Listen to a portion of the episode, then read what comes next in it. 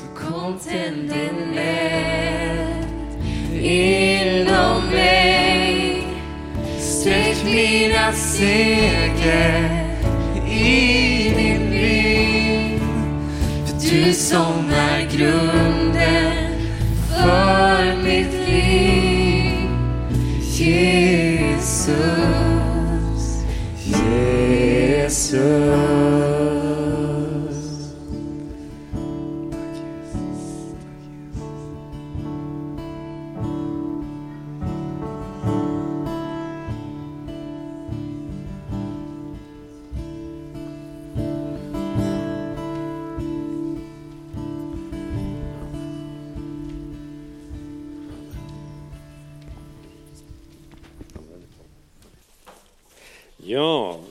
fantastiskt roligt och eh, vi känner som en stor förmån att få vara här och få dela den här undervisningen om gudomliga relationer.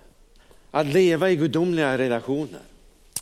Vi, vi har varit uppe i hallen uppe i Östersund eh, i, i, från fredag till lördag och eh, åkte i natt eh, till Ånge och sen vidare hit. Vi har varit på en konferens där och den heliga ande har vidrört människor. Det går en vind över vår värld. Människor griper fast i Guds riket. Vi hör ju om stora väckelser på södra halvklotet, men det händer här. Han berättade, pastorn här, Mats Sorger, om väckelse. Han hade varit med i Frankrike på ett möte där. Hundra hade sagt sitt ja till Jesus. Han hade varit i Schweiz, och det här är ganska nyligen, och där hade 30 sagt sitt ja. Så det rör på sig överallt. Som sagt, vi är jätteglada att få vara här och dela det här budskapet. Och vilka vi är, det kan man ju fundera på. Har du funderat på vem du är, Anita? Vem du är? Ja, kanske inte så mycket på vem jag är just nu, men när jag var yngre lite mer. Ja. Ja, vi tänkte så här att vi börjar också be innan Ja, vi går vidare. det gör vi. Ja. Vi tackar dig himmelske Fader för att du är den som har skapat oss. Tack att du har skapat oss till gemenskap med dig själv. Tack Herre för att vi får en levande relation med dig.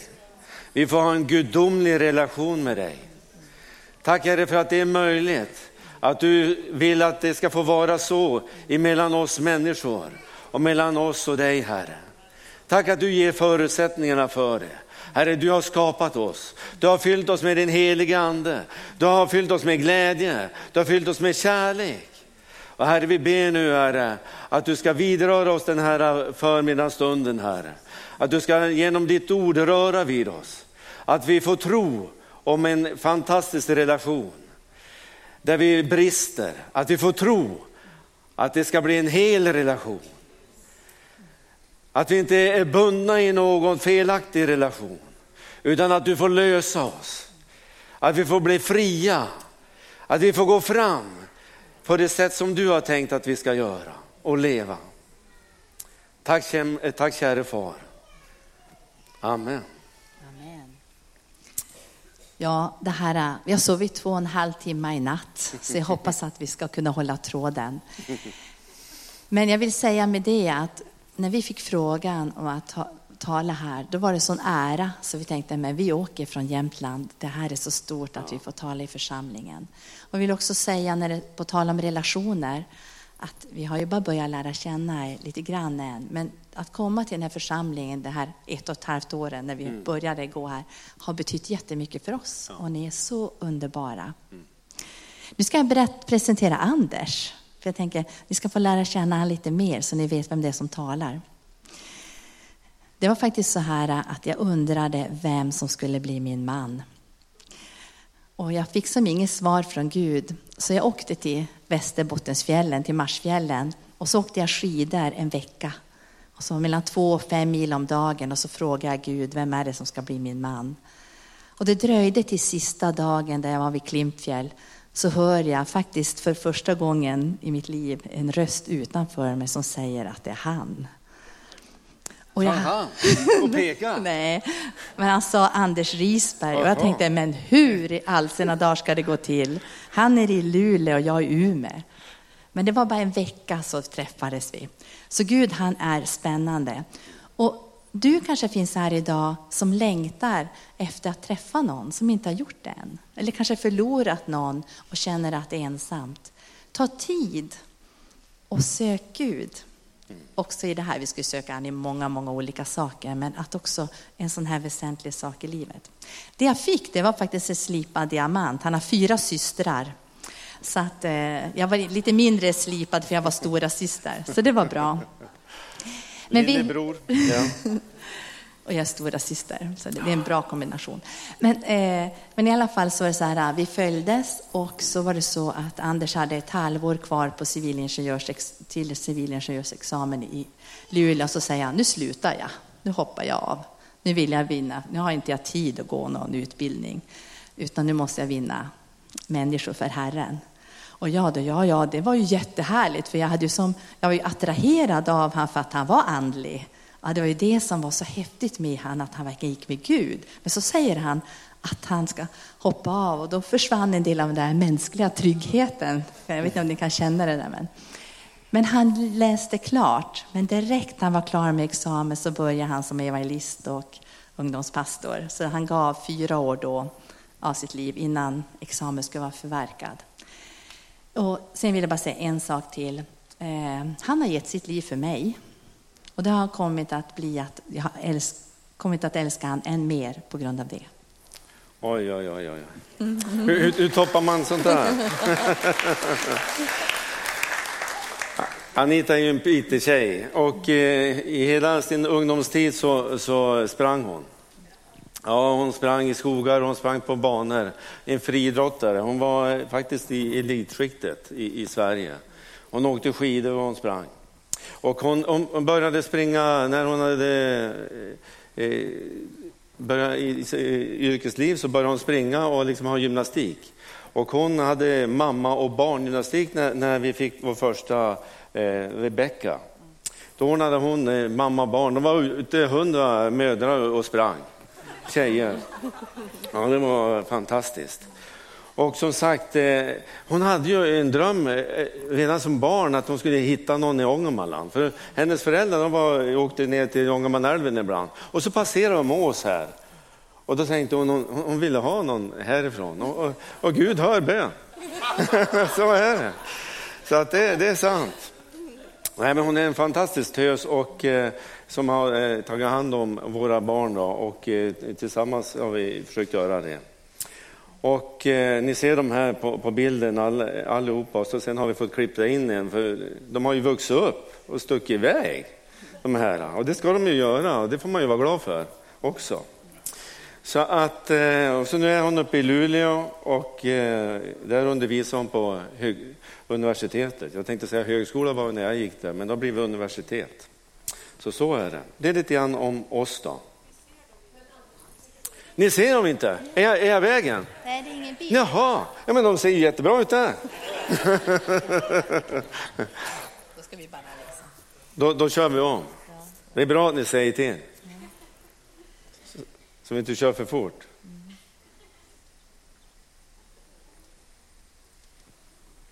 Vi fick ju, det var ju så här också, jag, jag trodde ju på, på, eh, stenhårt på Gud och vi skulle ha två år tillsammans, jag och hon, jag och Anita. Vi skulle eh, ut och resa i världen tänkte jag. Efter, det var ju så man gjorde. Liksom efter man hade pluggat klart så skulle man ut och resa. Så vi skulle göra det. Och eh, vi trodde ju att det här med liksom, eh, att vi, vi litar på Gud. Så att, eh, att vara tillsammans utan liksom, eh, sådana här eh, skyddsmedel eller vad det kallas. Det, det, liksom, det, det tänkte inte vi, utan vi, vi litar på Gud. Vi ska, jag hade bett om två år. Men eh, inom nio månader så kommer Rebecka. så kan det gå. Så Gud välsignar.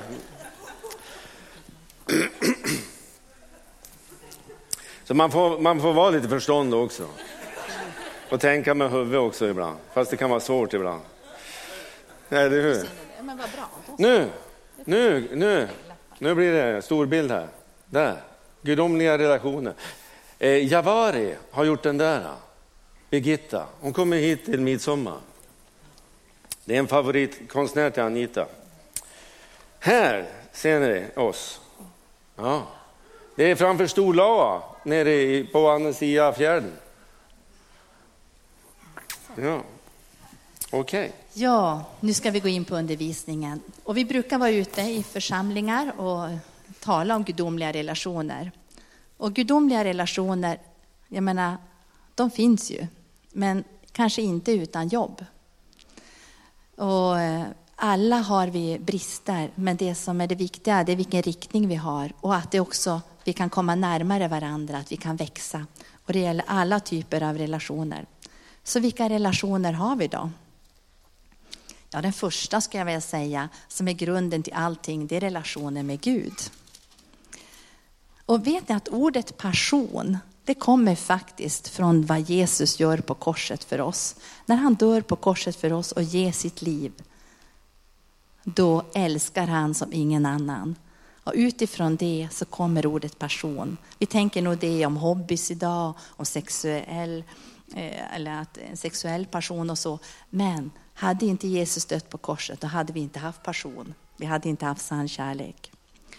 Och jag tror att här kommer det ibland lite förbistringar när det gäller generationer. Man brukar tala om den första generationens kristna, den andra generationens kristna. Och när några blir tända för Gud, jag kom själv till tro när jag var 18 år, så var det så häftigt att lära känna Jesus. Men vad vi har sagt till våra barn, det är att de inte ska ha våran Guds relation, utan de måste ha en egen. Och jag ska ta ett exempel för er. Vi mötte en kille från USA för några år sedan, Miles. Och han går på en bibelskola i Reading.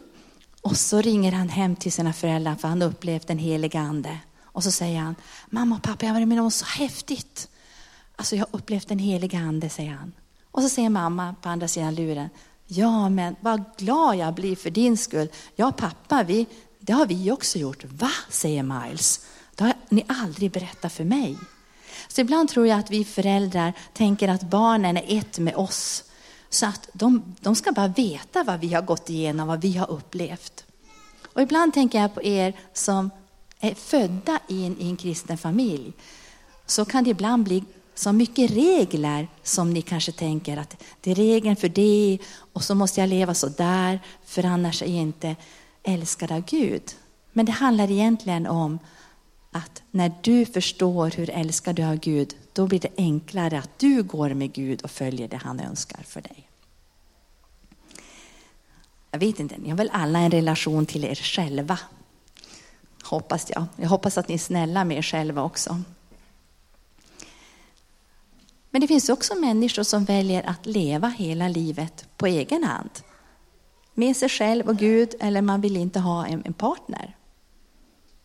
Eller så är man i en fas i livet när man just nu är ensam och på väg till något annat. Men jag tror att bland det svåraste det är många gånger att förlåta sig själv och vara rädd om sig själv. Ja, det här var ju dagen idag. Ja, visst. Det är precis som det Roland sagt, vi får vara väldigt tacksamma till våra mödrar som har sett till att vi, vi finns här. Att vara mamma. Och i, i vår moderna tid så, så, är det kanske en hel del tjejer som, som tänker, de är väldigt oroliga inför att bli mamma, att kunna föda. Alltså någonting som har varit naturligt. Att, eh, att veta att jag är kvinna, jag är mor, eller jag kan bli mor och jag kan föda. Det är klart att det är för, eh, eh, lite oro. Eh, vi gick ju på profylax och vi förberedde oss, jag andades och allt det här.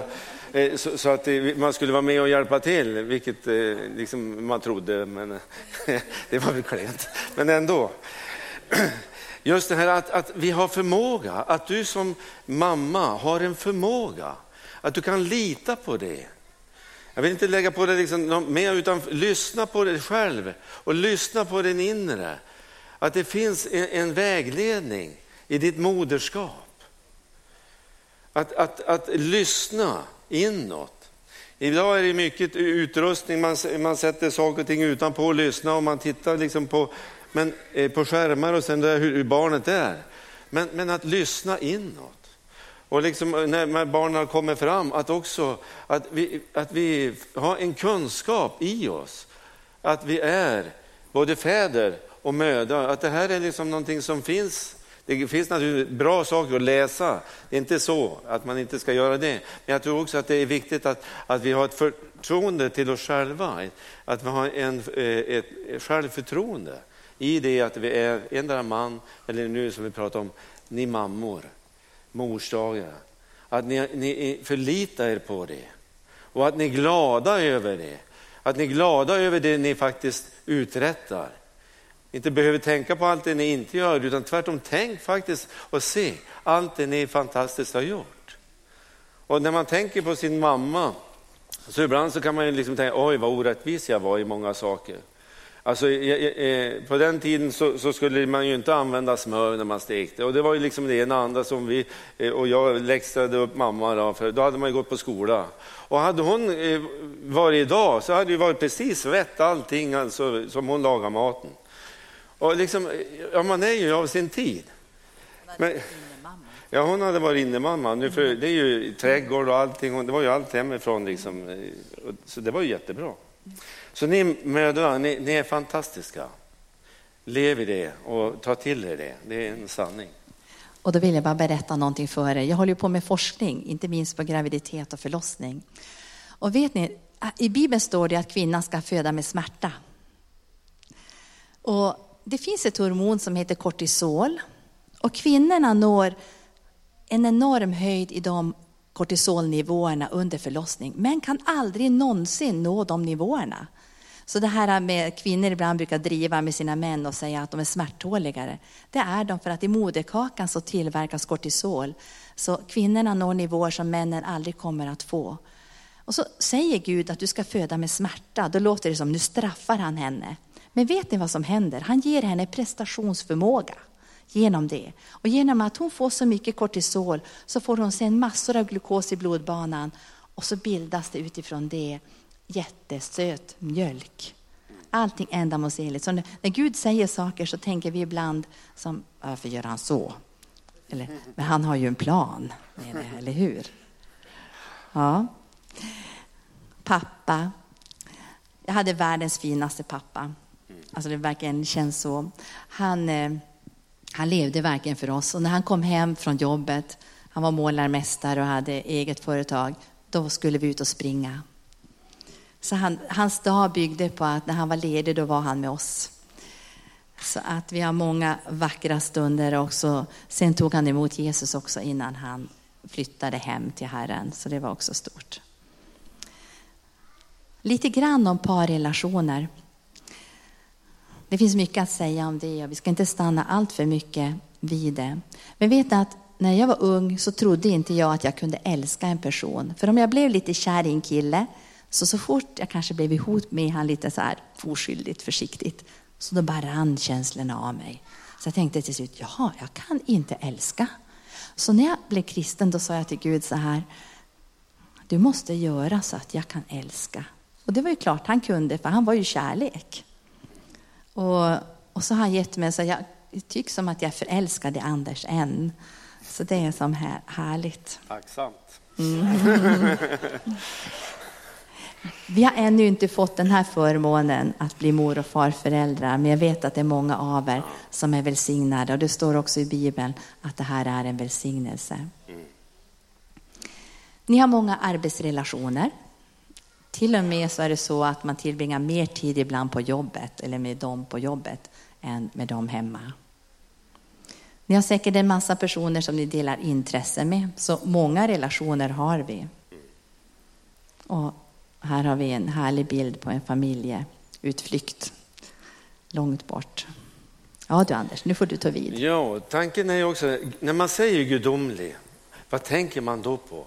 Gudomliga relationer, vad betyder det egentligen? När jag var yngre så hörde man någon gång säga att det var gudomligt vackert. Så jag tänkte liksom just det här att använda gudomligt, gudomliga relationer. Men liksom, vad kännetecknar det? Vad, vad, får du, vad får jag för bild när vi säger liksom att, att det här är liksom någonting gudomligt? Och tänker man sen liksom, om det är gudomligt, är det då möjligt för mig som människa att leva i det här? Och jag tänkte bara liksom ta några saker. Det finns ju väldigt mycket man kan läsa i Bibeln och, och se hur gudomen fungerar. Men jag tänkte bara liksom börja här med, med, med första Moseboken. När, när Gud säger då i vers 26 där, att låt oss, säger Gud. Fadern säger liksom inte liksom, eh, sonen och helige anden, ni kan, ni kan sätta er där borta, nu, nu, nu skapar jag, nu fixar jag det här. Utan han säger låt oss. Och liksom hela Bibeln är väldigt inkluderande i det att gemenskap. Och när vi då talar till varandra, att ha den här attityden av att inkludera, att omsluta, omfamna, att ta hand om. Liksom, det är så viktigt i den här relationen, om man vill nu ha en varm gudomlig relation, att vara inkluderande. Sen är det ju också så att det här med enhet, för att ha en relation som är stark så krävs det att det är en enhet. Det betyder inte att man kan tycka olika i saker och ting, men sen när man har kommit till överens om vad som gäller, då är man ens i det. För det är en styrka att man kan eh, på olika sätt tycka, men sen att vara en, att vara ens till sinnes. Det liksom eh, präglade också apostlatiden. Det står att de var endräktigt tillsammans. Det vill säga liksom, det var som en andedräkt när de var ihop och bad och när de bad endräktigt till Gud, vad gjorde han? Jo, han svarade med en, han svarade med, med, med mäktighet. Och, och liksom, det här är ju någonting som, som vi kan läsa om, att, att, att de är ett. Helt enkelt. Att Jesus när han talar om sig, tror ni inte att, att jag är i Fadern och Fadern är i mig? Så att Liksom han säger, liksom, jag är ju ett i honom och han är ett i mig. Det här med fullkomlig är ju en utmaning. Och det liksom, är ju det som egentligen är, Gud är fullkomlig. Och det är ju liksom, hur kan vi beskriva det? Liksom utan brister. Alltså det, det, I mänskligt sett är det ju svårt att tänka så att säga. Man kan ju tänka det här, liksom man räknar 100 procent, allting är 100 procent. Men sen att liksom tänka att någon kan faktiskt utföra det. Och Bibeln säger, var fullkomlig, liksom Gud är fullkomlig. Alltså vilket föredöme vi har. Jesus är vårt föredöme och så får vi det till oss. Wow, vilken utmaning för mig och för dig att vara fullkomlig. Men också vad spännande att tänka, ja, det vill jag. Och Paulus han säger, jag säger inte att jag har far, att jag blivit det än, men jag far efter att bli fullkomlig. Och jag tänkte när jag läste det liksom, och hade upplevt anden, jag ska bli fullkomlig. Och så hörde jag den gamla pastoren säga att, att de hade inte hunnit bli det. Ja, men jag ska bli det, tänkte jag. Absolut. Och nu är jag snart en gammal man också och, och eh, säger som de gamla där att eh, ja, eh, ni minns Jesus, de drog ju fram en kvinna där som, som hade tidigt på morgonen och så skulle de ju stena henne. Och Jesus säger den som är utan synd, han gå. Och då gick de äldre först och sen gick de yngre då, för de insåg ju också. Så liksom man, man, man tror ju det. Men jag vill ju inte ta bort den där längtan efter att bli fullkomlig. Att jaga efter det. Att det är vår eh, inriktning så att säga. Sen är det också en kärleksrelation. Och, och Jesus han, han, säger det, alltså Fadern älskar mig. Och han säger liksom herden, om herden som älskar men att eh, Fadern älskar mig. Så det, det är en kärleksvarm relation. Sann är den, Gud är sann, inget ljus, eller bara ljus är det ju som är i honom. Inget mörker finns i honom, det är bara ljus kan vi läsa. Och, och lögnen, det är ju liksom det man vill gömma undan. Man vill komma undan. Men ljuset, när ljuset kommer, då är allt uppenbart. Och det, så vill vi ju kunna ha det. Ibland kan man väl fundera, liksom, oj, jag vill nog inte att ljuset ska träffa mig just nu. För det, det här var mina tankar och det jag gjorde nu, det var inte rätt. Men då kommer det längre ner här vad som händer då. Det här med förtroendefull. För liksom i den här relationen, i gudomliga relationen, så säger fadern då att du, sonen, du får ta hand om det här med dom, domen. Det, det, det tror jag du sköter bättre. Liksom, han, han överlät domen till sonen. Och sonen han säger så här att eh, faktiskt, mina lärjungar, det, det, är faktiskt bättre att, att, jag, att jag far ifrån er. För när jag far, då kommer den heliga ande till er. Och han, han ska göra det och det, han ska lära er och han ska undervisa och han ska hjälpa er. Så liksom, eh, det är väldigt förtroendefullt i gudomen. De liksom ger det vidare. Att ha förtroende för varandra. Att ha, ha förtroende. Ibland säger man så här, på jobbet kan jag höra att det, det är bättre med kontroll än förtroende. Men det, det är tråkigt när, när, det är så. Utan jag tror liksom på förtroende. Jag vill tro att mina medarbetare gör det bästa. Sen, sen får man naturligtvis vara vaken över att vi är människor. Men att ha ett förtroende, att ha en förhoppning och förväntan att, att, att den andra ska infria. För får man en positiv förväntan på sig, då vill man gärna uppfylla det. Liksom, har, har någon ingen förväntan på vad jag ska göra, ja, men då, då betyder ju vakt, samma vad jag gör. Eller? Vad säger du? Tyckte du? Sen säger ju Jesus, han är överlåten och ödmjuk. Han säger till Fadern, ske inte min vilja utan ske din vilja. Att så kan vi också ha det i våra relationer. Att eh, nu vill jag ju faktiskt det här men du vill det där och det är helt okej. Okay. Jag lägger ner mitt liv för dig. Vi gör det du önskar göra. Ibland så undervisar man eh, att eh, det är vi män som ska vara huvud och vi ska säga precis allting och, och, och kvinnan ska underordna sig. Men läser man några verser innan så står det att ni ska underordna varandra i Kristus. Så att eh, vi ska underordna oss varandra. Och egentligen så, så, så visar ju Jesus att han, han gick ju döden för, för, för församlingen. Och om vi män ska gå i döden för våra kvinnor, då, då, då krävs det lite att, eh, att liksom uppoffring.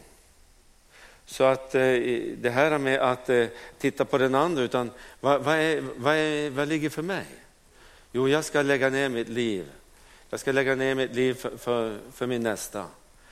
Att ha den här tjänarinstinkten, att vara tjänare. För det är liksom eh, i, i relationer, har vi ett tjänande sinnelag till varandra så är det också, också det här med en god relation.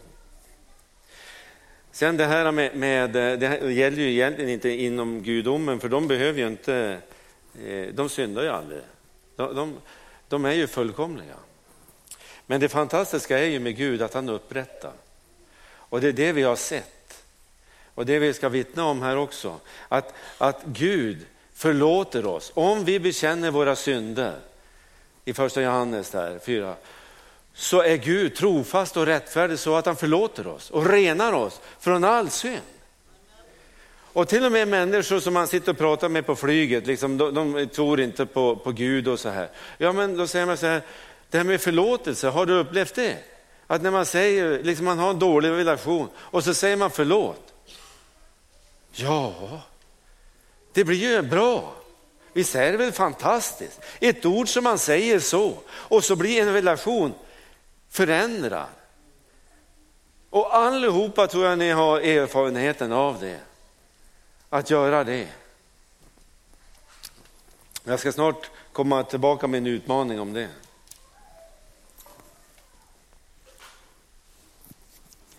Du kan ta det första. Ja. Det här med att skapa. Eh, vi är skapade i Guds avbild.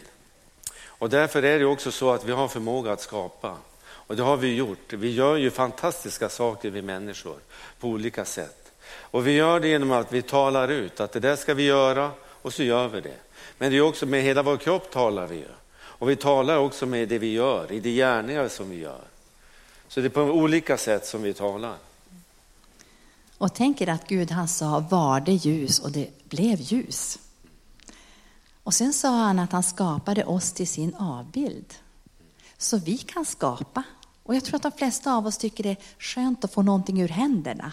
Alltså när vi kanske snickrar på bryggan eller eh, stickat någonting eller målat eller lagat mat så känner vi en viss tillfredsställelse. Vi skapar. Det vi gör varje dag, det är att vi också skapar med det vi säger och det vi gör. Om jag säger, jag älskar dig, då skapar jag någonting hos den person som är mottagare. Men jag tror inte alltid att vi förstår vad, det, vad som händer med oss. Eller när vi säger som Anders nämnde, jag litar på dig, jag har förtroende för dig. Eller ni hör någon säga, jag längtar efter dig, åh vad härligt det ska bli att ses snart. Eller, du betyder så mycket för mig. Eller att höra, du är vacker. Hur många vill inte höra det? Eller, det där gjorde du bra. Eller, du är verkligen kompetent. Wow. Tack för din omsorg. Kan du hjälpa mig? Men det som gör ont, det är någon säger, jag hatar dig. Och så, jag tänker inte uttala de där andra orden, men ni kan läsa dem. Och ni ser att jag har bara skrivit några ord, för jag vill inte uttala de här negativa orden. Och vad händer då? Ja, det här ska föreställa hjärnan. Om jag står så här, det blir så där nu. Så här är frontalloben. Och här har ni er personlighet, er vilja. Eh, och det här är på sidorna som ni formar orden. Men de här orden, de kommer att träffa här hos den som tar emot det. Och här. Och så kommer de att göra något med den personen. Det kommer att påverka dens självbild här. För det skickas signaler hit fram sen. Och sen skickas det signaler in i allt det här mörkrosa som ni ser, som är känslohjärnan. Så när någon uttalar något över dig, då kommer det att stanna i den här känslohjärnan. Och så sen finns det ett område i mitten här som styr resten av vår kropp. Så varje dag, varje stund så skapar du när du möter dina barn, dina kollegor, din make, maka. Visste du att du precis som Gud skapade så mycket? Just det. Och jag vill också säga att allt som vi ser och hör luktar, smakar, känner och gör under en dag måste registreras på ytan på stora hjärnan här. Och allt som registreras måste bearbetas och beslutas om åtgärd och så hamnar det i den här stora känslohjärnan och kommer sen att styra oss. Du förstår att man blir trött ibland. Precis. På märkliga vägar så har det varit så att redan när vi var nygifta så blev det kom par till oss och sa, kan ni be för oss, vi har jobbigt nu. Så det är som att ja, den ena efter den andra har kommit och vi har sett mäktiga saker hända. De sista åren har det varit fler som har kommit än förut, för det är ganska många kristna som går igenom svåra perioder i sitt kristna liv. Och kristna är inte eh, vad ska man säga, besparade från att drabbas av tuffa saker i sina relationer. Men någonting som har förvånat oss, vad är det Anders? Jo, att eh, eftersom vi ändå har predikat att Jesus Kristus kom för att förlåta, att Gud genom Jesus förlåter oss. Att vi liksom inte också tar det i, i fullt ut i våra nära relationer. För när vi då har samtalat med vissa så, så kan det vara sånt som, som ligger så långt tillbaka som när de träffades och liksom började sällskapa och, och, och sen gifte sig. Att man inte har tagit upp det och förlåtit varandra för det och rensat undan. Och ju mer sånt här liksom kommer på så, så, så försämras en relation. Eh, I Matteus 18 och 21, jag ska liksom, eh, det är ett väldigt intressant textavsnitt, eh, eh för lärjungarna kommer till Jesus och säger hur många gånger ska jag förlåta, förlora, förlot, förlåta, förlåta min broder som kommer gång på gång och gör fel emot mig. Räcker sju gånger.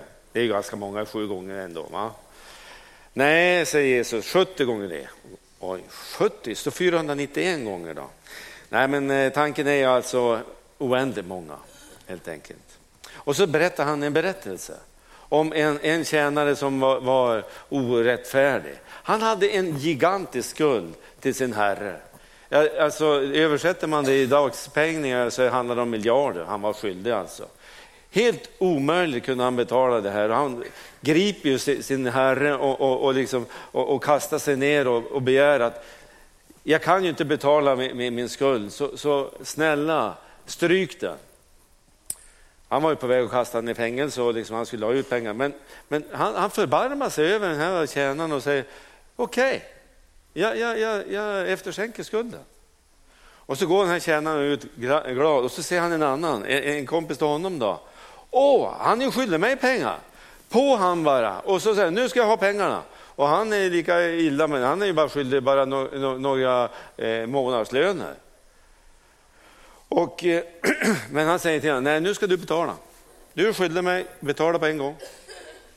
Och eh, han driver igenom faktiskt att, eh, att han ska ha betalt. Och, eh, eftersom han inte kan betala så åker han i fängelse den där killen. Då.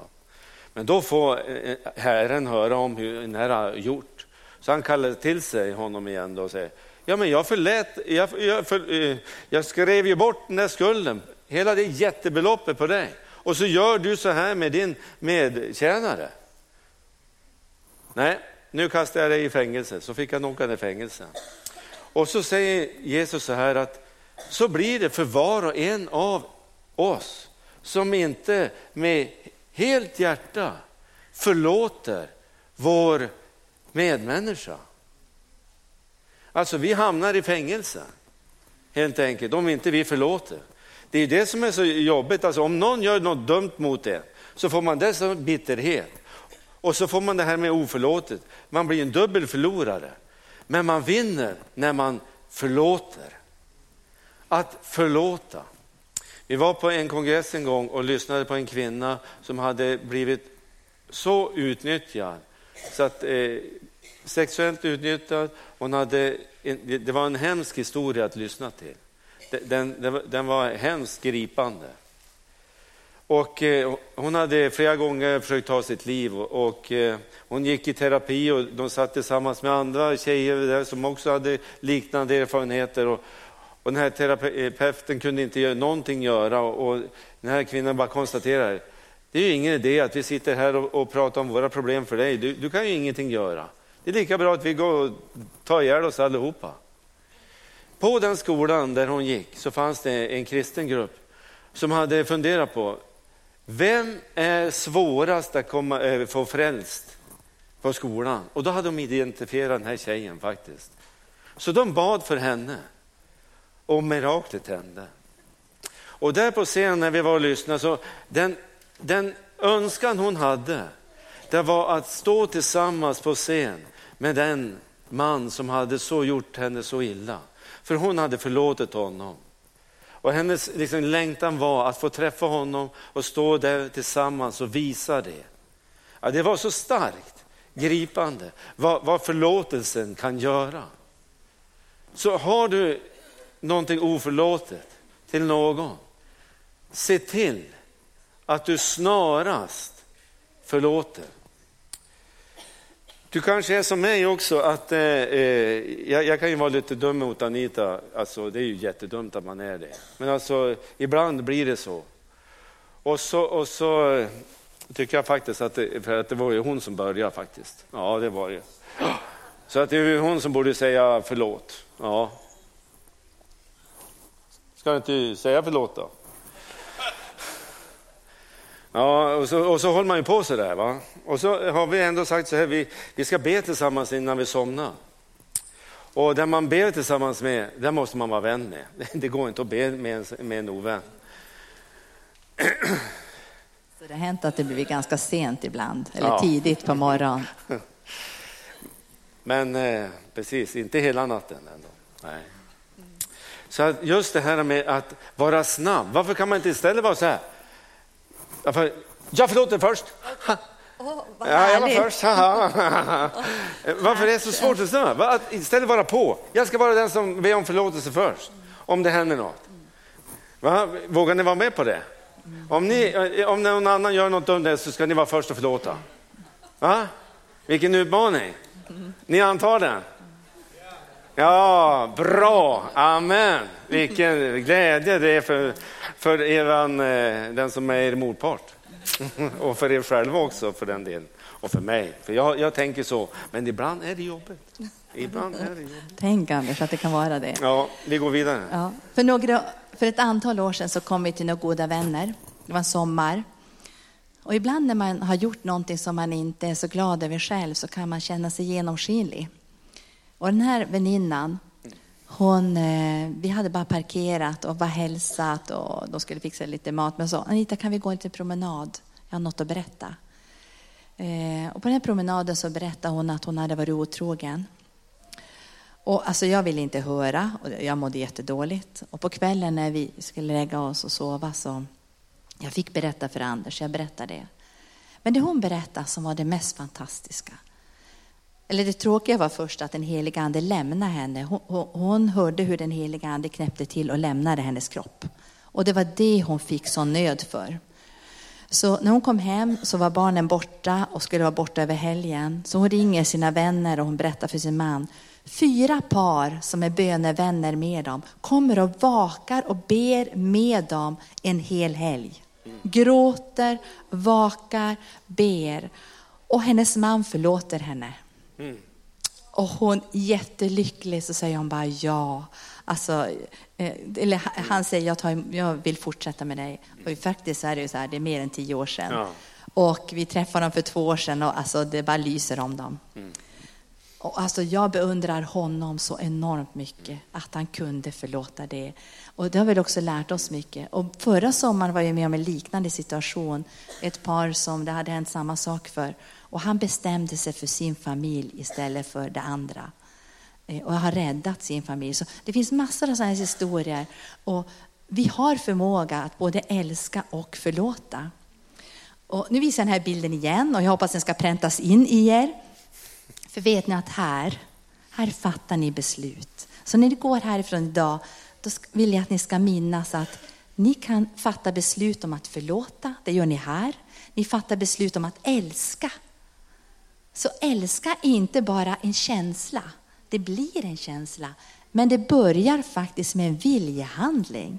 Och vi har vänner som är indier som har varit gifta. När de hade varit gifta tio år så var vi hemmavan tillsammans. Sitter på en restaurang och de firar sin tioåriga bröllopsdag. Och så säger Dexa som hon heter. Anders Anita, vet du, idag kan jag säga att jag älskar Manoj.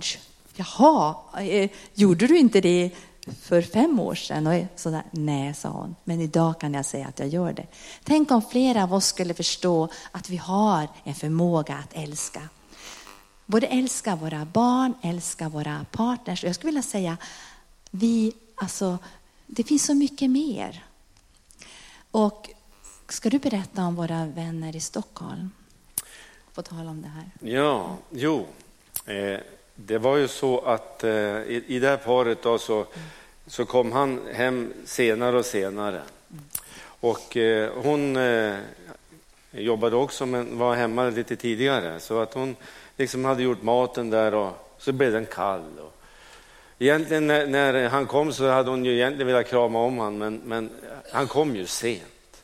Och det här blir liksom sämre och sämre och, och, liksom, och, och den här besvikelsen.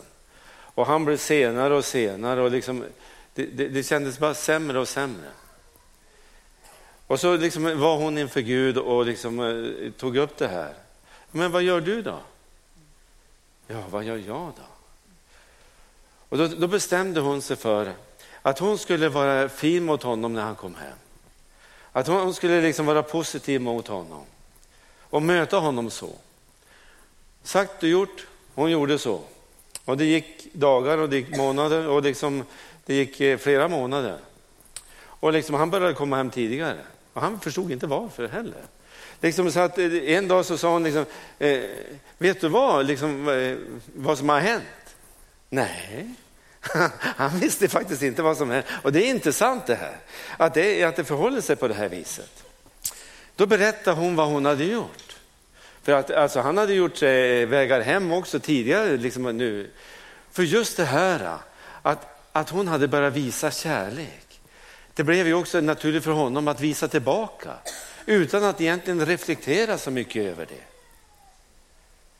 Att, att faktiskt att vi reagerar tillbaka ganska direkt så att säga. Men reflektionen kanske inte finns där. Så där, när de kom då till oss till sommaren då, så berättade de för oss om det här. Och jag tycker det är ett fantastiskt vittnesbörd. Att vi kan bestämma oss för att göra någonting och håller vi ut så, så, så kommer det att ge frukt.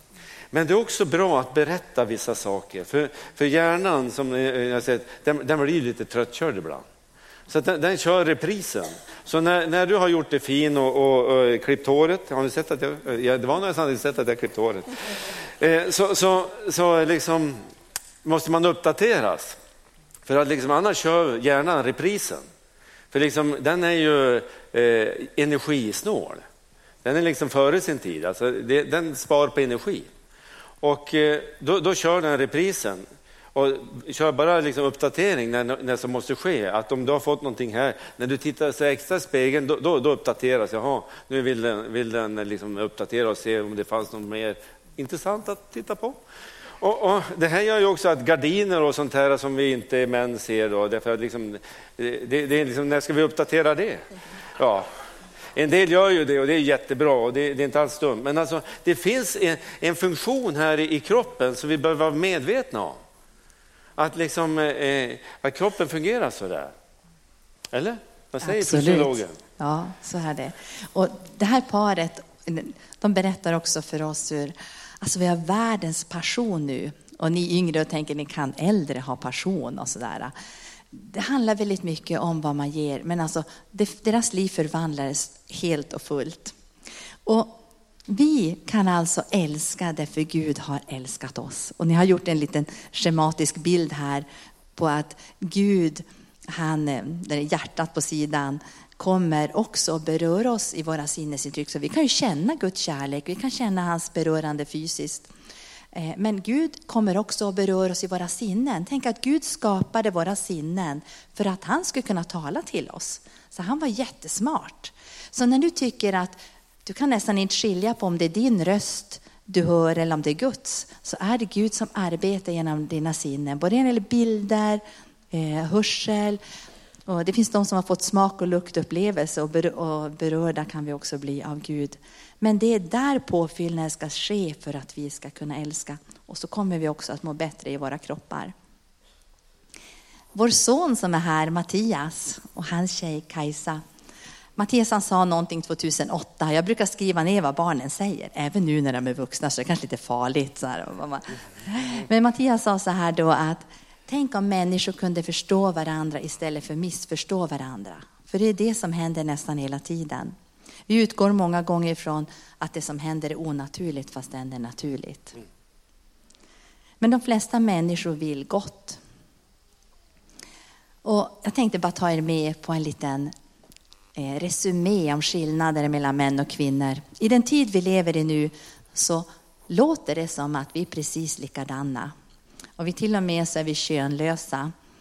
Men är man fysiolog så kan jag bara säga till er, det är jättestora skillnader mellan män och kvinnor. Men det vet ni ju redan, eller hur? Det har ni vetat sedan ni var små. Och vet ni att kvinnorna, de har som en tjockare yta på stora hjärnan. Men det är färre nervceller i den där, i, där ytan på stora hjärnan. Och killarna, de har som ett tunnare cortex, alltså barken på hjärnan. Eh, men deras nervceller ligger jättetätt och de har fler nervceller. Det är ni. Men tjejer, vi kompenserar. Och inte för att något är bättre eller sämre här nu. Men vi har jättemånga sådana här förbindelser, dendriter, som binder ihop hjärnans celler med varann. Så vi kompenserar så. Och så har vi lite fler kablar mellan hjärnhalvorna. Eh, och då kan man ju fundera, hur, hur, funkar det här i verkligheten? Ja, alltså om Anders lyssnar på radio och så jag lyssnar samtidigt och så ska vi återberätta vad vi har hört. Då talar jag ofta om ja, sådär, äh, alltså helheten. Och så kan han berätta detaljer. Nu är det inte sagt så här att alla kvinnor och män är så här. Man brukar säga att det är sant för 65 till 70 procent av individerna om det är signifikant. Det finns alltid undantag. Men ändå, någonstans så jobbar vi idag för att sätta upp bättre och sämre. Men tänk vad bra, i alla fall när vi bodde i grottor, att tjejerna hade koll på allting som hände, kanske stod och rörde i grytan. Eh, kollade så inga spindlar och ormar kom in och så hade koll på barnen samtidigt. Och killen han gick med spjutet och så gick han ut för att fånga ett villebråd. Och inte såg han blommorna på marken för han skulle ju jaga den där hjorten där borta. Fokuserad, kanon, då kom han ju hem lite snabbare. Men idag, vad blir det då då? Ja, när någon kommer hem från jobbet och kanske frun scannar, hur har du haft det idag? Har allting varit bra? Och så kanske mannen känner sig nästan ifrågasatt, som att han har gjort något konstigt. Varför hon vill som ha koll på allt. Och våra hjärnor är gjorda lite grann så vi vill som ha koll på saker och ting. Och det är inte för att vi ifrågasätter er män, inte alls. Eh, och så brukar vi väl ofta säga så här att vi kvinnor kan göra flera saker samtidigt och killar gör en sak i taget. Nu skulle jag vilja säga att det vore bra om vi tjejer gjorde en sak i taget också, vi skulle må bättre. Men, så där är lite skillnader. Men vi är också känsligare alltså när det gäller stress. Vi är födda med en känsligare stressaxel så vi är sårbarare. Och jag skäms inte för det. Att gråta ut mot Anders axel är ganska skönt ibland. Det är som en ventil. Och vet ni att det är stresshormoner som far ut i tårarna? Gud är häftig. Nu ska inte jag stanna upp vid så mycket mer, men en sak som händer, och det är när man får barn, då vet ni att det är ganska många killar som inte vaknar när bebisen låter. För bebisens ljud är så låga. Och det är faktiskt så att de allra flesta män kan inte uppfatta ljuden. Det är inte att de är oengagerade, utan de har svårt att höra väldigt, väldigt låga ljud. Men vet ni vad ni tjejer har fått? Händer oftast. Då kan ni, du, lillan har vaknat. Kan du ta henne? Klart jag kan. Ja, vad bra. Vad bra att du väckte mig. Men det skulle ibland behövas lite mer kunskap om att inte misstro han att han inte nu vet vad han ska göra. Jag sov så gott. Ja. Just det. Ja. Ja. ja, det brukar jag göra. Fast vi var lite lata föräldrar, vet ni, till er unga föräldrar. Vi la våra barn två och två i sängarna. Precis som vi tycker om att krypa ihop så tycker även barnen om att ha eh, nära kontakt. Så man kan vara lat förälder och jag tror inte vi hade vaknat på 18 år. Nej. Nej. Ja. Tack och lov. Man får det man klarar. Också. Men sen finns det saker till man kan lära sig att använda. Det här är ju ett underbart ord, kärlekens lov. Att leva efter det här, att förstå vad kärlek är. Att det inte är bara en känsla, för när man läser det här, då handlar det ju om också vad vi gör. Att vi är tålmodiga, att vi hoppas, vi tror också, som längre fram. Jag ser att tiden rinner iväg och det här ordet är ju bekant för er. Men att, när, Jesus, när Paulus skriver till Korint så säger han, liksom han, han, har talat om församlingen, han har talat om andens gåvor och så säger han, nu, nu vill jag visa er en, en överlägsen väg.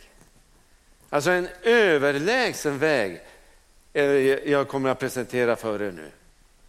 Och så ger han det här budskapet. Det, det är en fantastisk styrka i det här. Och, och, läser man det här så kan man ju läsa med, det liksom med tanke på oj, oj, vilka eh, tillkortakommanden jag har. Men man kan också läsa det med, med en förväntan att ja, Guds kärlek kan få verka i mig så att jag kan få leva i och genom det här. Att, att det här, att jag kan bli eh, som det här lyfts fram.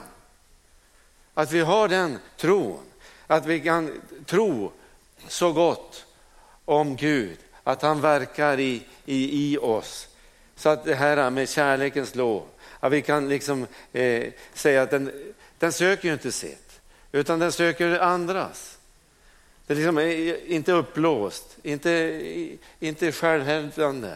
Den, den, liksom, den tror, den hoppas. Så att, liksom att vi tar eh, fasta på den här vägen som är den överlägsna vägen. Samtidigt så, så det här med eh, att, att bli praktisk i det här handlar det också om. För just det här med att se, röra och beröra är vi ju väldigt beroende av som människor. Att någon tar, tar i en, att man får känna det. Eh, ni minns ni äldre att eh, de kablade ut bilder från Rumänien på barnhemmen där hur barnen eh, var i stora salar och hur, de, eh, hur illa de mådde och de dog.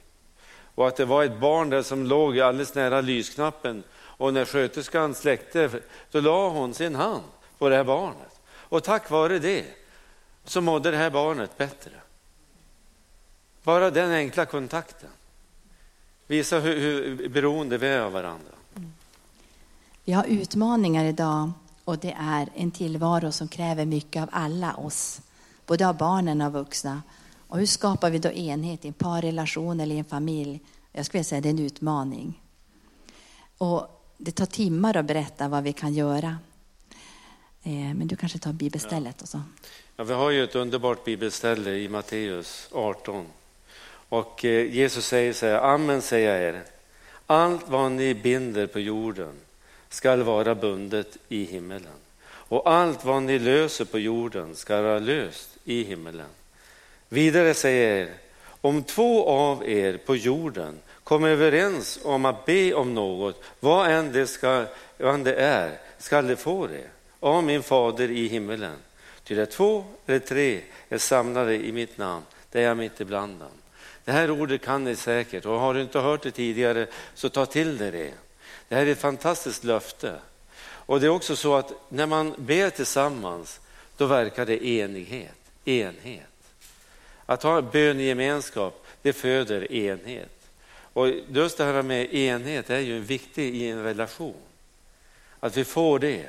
Det är många andra saker också som bygger enheten. med anden, att dela tron, att göra saker tillsammans, att uppleva saker tillsammans, att arbeta tillsammans ger enhet. Och det vi märkt, har märkt också när vi har jobbat med många par, det är också att ofta har bönen, ibland har man aldrig haft bönegemenskap eller så har bönen gemenskapen, tystnat. Så det är någonting att vaka och, och, se över. Men sen att drömma tillsammans. Det är lätt att drömma att vi ska ha barn tillsammans och bygga det där huset, bygga ut. Och, men när barnen flyger ut, då är det dags att börja drömma igen tillsammans. Det finns så mycket att drömma om. När det gäller församlingen så skulle jag vilja säga så här. Jag har funderat på det här i många, många år. I många ställen i vårt land så har bönen tystnat. Och en dag visade Gud mig på någonting och det var att man inte litar på varann. Man pratar om varann. Nu var den fram till förbön eller och vad hon har jobbigt. Jag har inte upplevt det i den här församlingen, därför vågar jag säga det här. För här verkligen är det en bedjande församling. Men det bygger på tillit. Att när vi kommer och ber, eh, kommer tillsammans så kan vi lita på de andra. Och det är samma sak att eh, i en parrelation, vi måste ha tillit till varandra. Ibland så brister tilliten, men det häftiga är att den kan byggas upp igen. Så det är aldrig någonsin kört. Jag tänkte ge mig på att eh, försöka sjunga för er en sång. Det är Ingemar Olsson som har skrivit om relationer. Jag brukar nynna på den här ibland. Så det är en utmaning. Jag tror att människor är gjorda för varann mår inte bra på egen hand. Redan från allra första början var det två jag tror det måste vara så, inte bara därför att bara två kan göra fler. Även om det stämmer är det något mer. Typiskt för en människa är att livet är att vara mer än en. Unga liksom gamla, kvinnor som män. I, I relationerna blir människan komplett. Där kan hon komma till sin rätt. Men ändå verkar det som om vår moderna värld inte tar hänsyn till det här. Papper och maskiner är vad vi tvingas umgås med. Kaffeautomater, lönebesked. Typiskt för en människa är att både ge och få. Varför ska det göras så onödigt svårt? Den sanna mänskligheten på just den här planeten är en dröm som aldrig någonsin kan bli sann. Om alla ville välja att våga vara sig själva, nog skulle vi väl kunna nå varann. Den sanna människan är ingen utopi. Han gick på samma jord som vi. Han var för alla och i honom är vi ett. Vi hör ihop på många sätt. Varför då förtvivlas när vi kan börja om på nytt? när en ny morgon redan har grytt. Typiskt för en människa är att livet är ett val. Där behöver ingen stå neutral. Amen. Det här med relationer är ju utmanande på många sätt. Och eh, alla har vi erfarenhet av både goda och svåra relationer. Och eh, vi har tagit upp några saker som, som eh, präglar relationer. Det här med förlåtelse som kan skapa och upprätta en relation. Vi har pratat om det här med kärleken. Hur kärleken är viktig i en relation. Och hur du och jag har möjlighet att älska. Att vi kan bestämma oss för att förlåta när någon har gjort något orätt emot oss. Trots de här känslorna, det vi säger. Och liksom, eh, andra som tycker det där kan du väl ändå inte förlåta. Så kan vi bestämma oss för att förlåta.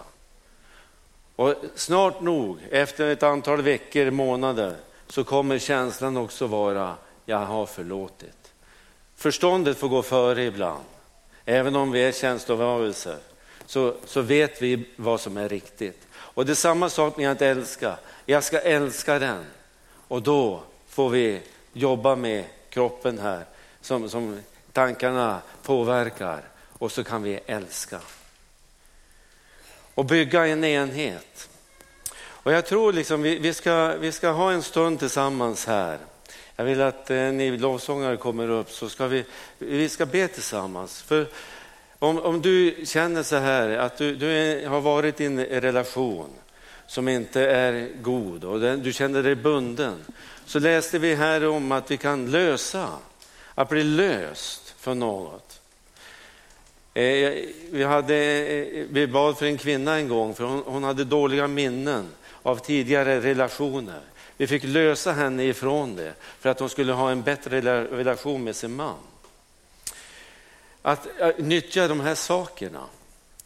Och Det är också så här att om vi vill någonting nytt, vill vi ha en förändring i relationen, då måste vi göra någonting nytt.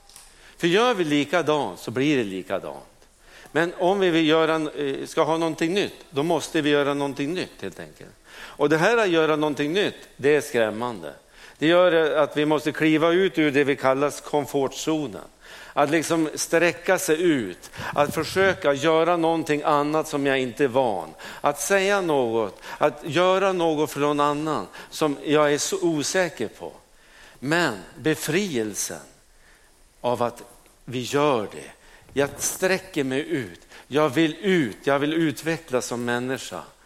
Jag vill ha en bättre relation. Att helt enkelt ta steget, våga det.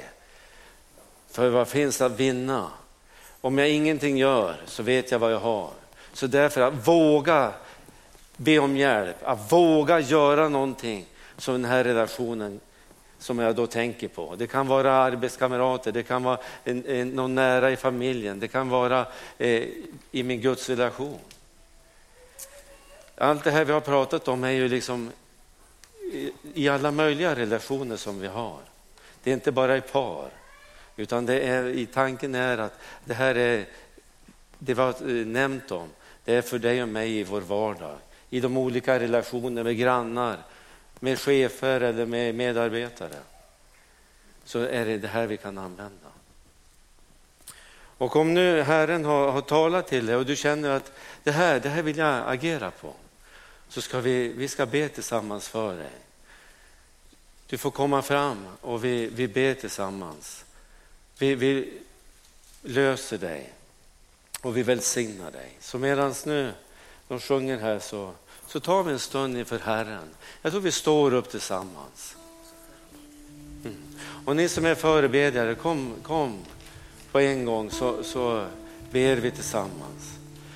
Och det här, bara kom och låt Herren få röra vid dig. Ge dig nytt mod i den här situationen. Att du får känna att Herren vidrör dig i detta. Att du får leva i den gudomliga relation som Herren har tänkt.